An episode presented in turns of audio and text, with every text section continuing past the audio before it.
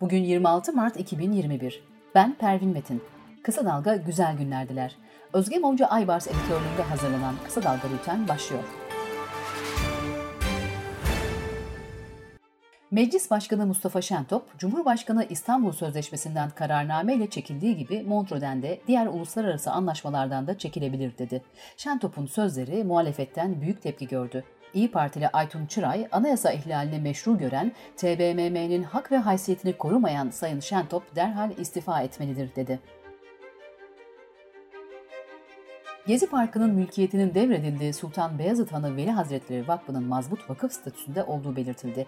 Mazbut vakıflar Türk Medeni Kanunu yürürlüğe girmeden önce kurulmuş, yönetimi bugüne kadar ulaşamamış, arşivlerde kayıtları bulunan vakıfları kapsıyor. Şişli Etfal Hastanesi, Vefa Lisesi ve Sayit Halim Paşa Yalısı bu arşiv vakfına devredildi.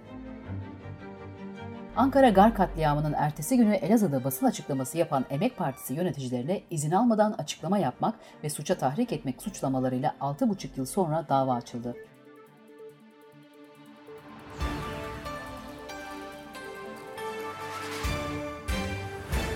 Daha önce salgın bitse de uzaktan eğitim artık kalıcı olacaktı. Yani Milli Eğitim Bakanı Ziya Selçuk, Öğretmenlerimizin her bir öğrencimizin gözlerine bakarak derse başladığı yüz yüze eğitim esastır. Bugün olduğu gibi gelecekte de vazgeçilmezimizdir, dedi.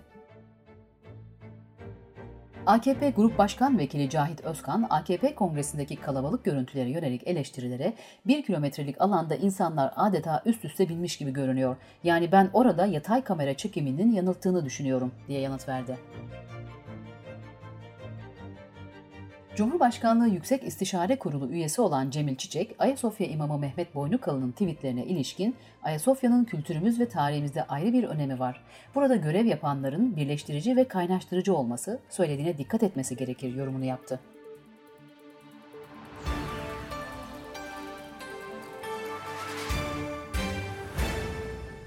CHP iktidar hareketi tarafından CHP Genel Başkanı Kemal Kılıçdaroğlu'na sunulan raporda ittifaklar yapılırken CHP sol düşünceden uzaklaşıyor, sağ kayıyor algısı yaratılmamalı ve parti tabanındaki ideolojik düşüncelerin dengeleri korunmalıdır denildi. Anayasa Mahkemesi, HDP İstanbul İl Eş Başkanları ile İl Yönetim Kurulu üyelerinin gözaltına alınma ve tutuklanmalarıyla ilgili bireysel başvurularını değerlendirerek 40 bin lira tazminat ödenmesine hükmetti. Yozgat Sorgun'da Cumhuriyet Savcısı Özlem Salkım evindeki doğum günü kutlamasında başından vurularak ağır yaralandı. Evde bulunan dört kamu görevlisi gözaltına alındı. İstanbul'da bir yazlık sitedeki haşema ile havuza girilmez tabelasına itiraz eden Şeyka'nın başvurusunu değerlendiren Türkiye İnsan Hakları ve Eşitlik Kurumu inanç temelinde ayrımcı muamele nedeniyle yönetime 7000 TL ceza uyguladı. Covid-19 haberleriyle devam ediyoruz. Sağlık Bakanı Fahrettin Koca yaklaşık 1.4 milyon doz kullanıma hazır aşı ulaşmış durumda. Bu aşı ülkemizde ilk defa kullanılacak. Aşı saklama koşulları uygun olan her merkezimizde uygulanacak dedi. Hürriyet gazetesi başyazarı Profesör Doktor Osman Müftüoğlu, koronavirüs vaka sayılarının günlük 30 bine dayandığının altını çizerek pandemide gidiş hiç de iyi görünmüyor, hafta sonu tam kapanma ilan edilmeli çağrısı yaptı. İzmir Tabip Odası Başkanı Lütfi Çamlı, vaka sayılarında %160 oranında bir artış yaşandığını söyledi. Çamlı, kentteki yoğun bakımların dolduğunu, filyasyon ekiplerinin yetişmekte güçlük çektiğini belirtti. Brezilya Sağlık Bilim Kurulu tarafından yapılan araştırmalarda COVID-19'un mutasyona uğramış 3 türünün tespit edildiğini belirtti. Brezilya Sağlık Bilimi Kurulu tarafından yapılan araştırmalarda COVID-19'un mutasyona uğramış 3 türünün tespit edildiği belirtildi. İngiltere Başbakanı Boris Johnson, pubların gerek görmeleri halinde gelen müşterilerinden aşı sertifikası talep edebileceklerini söyledi. Sırada ekonomi haberleri var. Sanayi ve Teknoloji Bakanı Mustafa Varank son günlerde finansal piyasalardaki dalgalanmalar ekonomimizin gerçekleriyle örtüşmüyor, üretim çarkları tüm hızıyla dönmeye devam ediyor dedi. Avrasya Ekonomik Birliği aralarında Türkiye'nin de olduğu 76 ülkeyi tercihli tarife sisteminden çıkarmayı planlıyor. Türkiye'den giden başta tarım olmak üzere pek çok ürüne fazladan gümrük vergisi uygulanacak. Dış politika ve dünyadan gelişmelerle devam ediyoruz. Avrupa Birliği devlet ve hükümet başkanları dün başlayan ve bugün de devam eden sanal zirvede Türkiye ile ilişkileri yeniden masaya yatırıyor.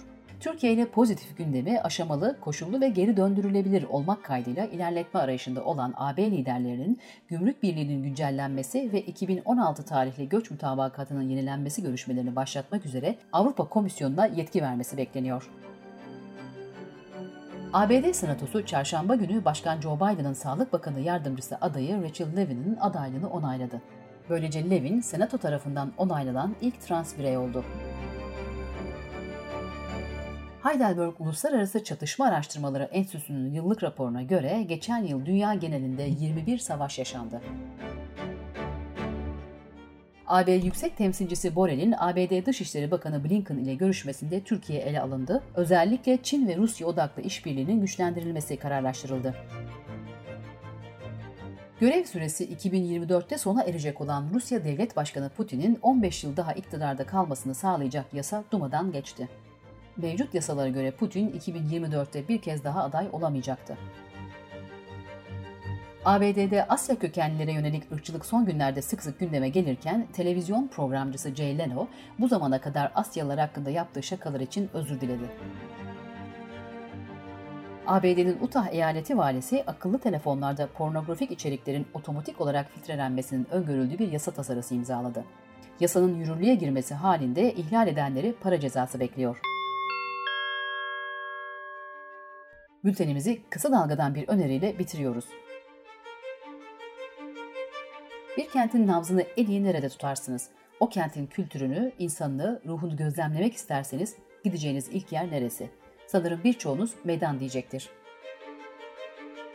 Mehveş Evin, kent meydanlarının anlamını ve nasıl dönüştürüldüklerini cumartesi annelerine yasaklanan Galatasaray Meydanı'na odaklanarak anlatıyor. Galatasaray Çığlıkların Yasaklandığı Meydan başlıklı podcast'i kısa dalga.net adresinden ve podcast platformlarından dinleyebilirsiniz. Gözünüz kulağınız bizde olsun. Kısa Dalga Medya.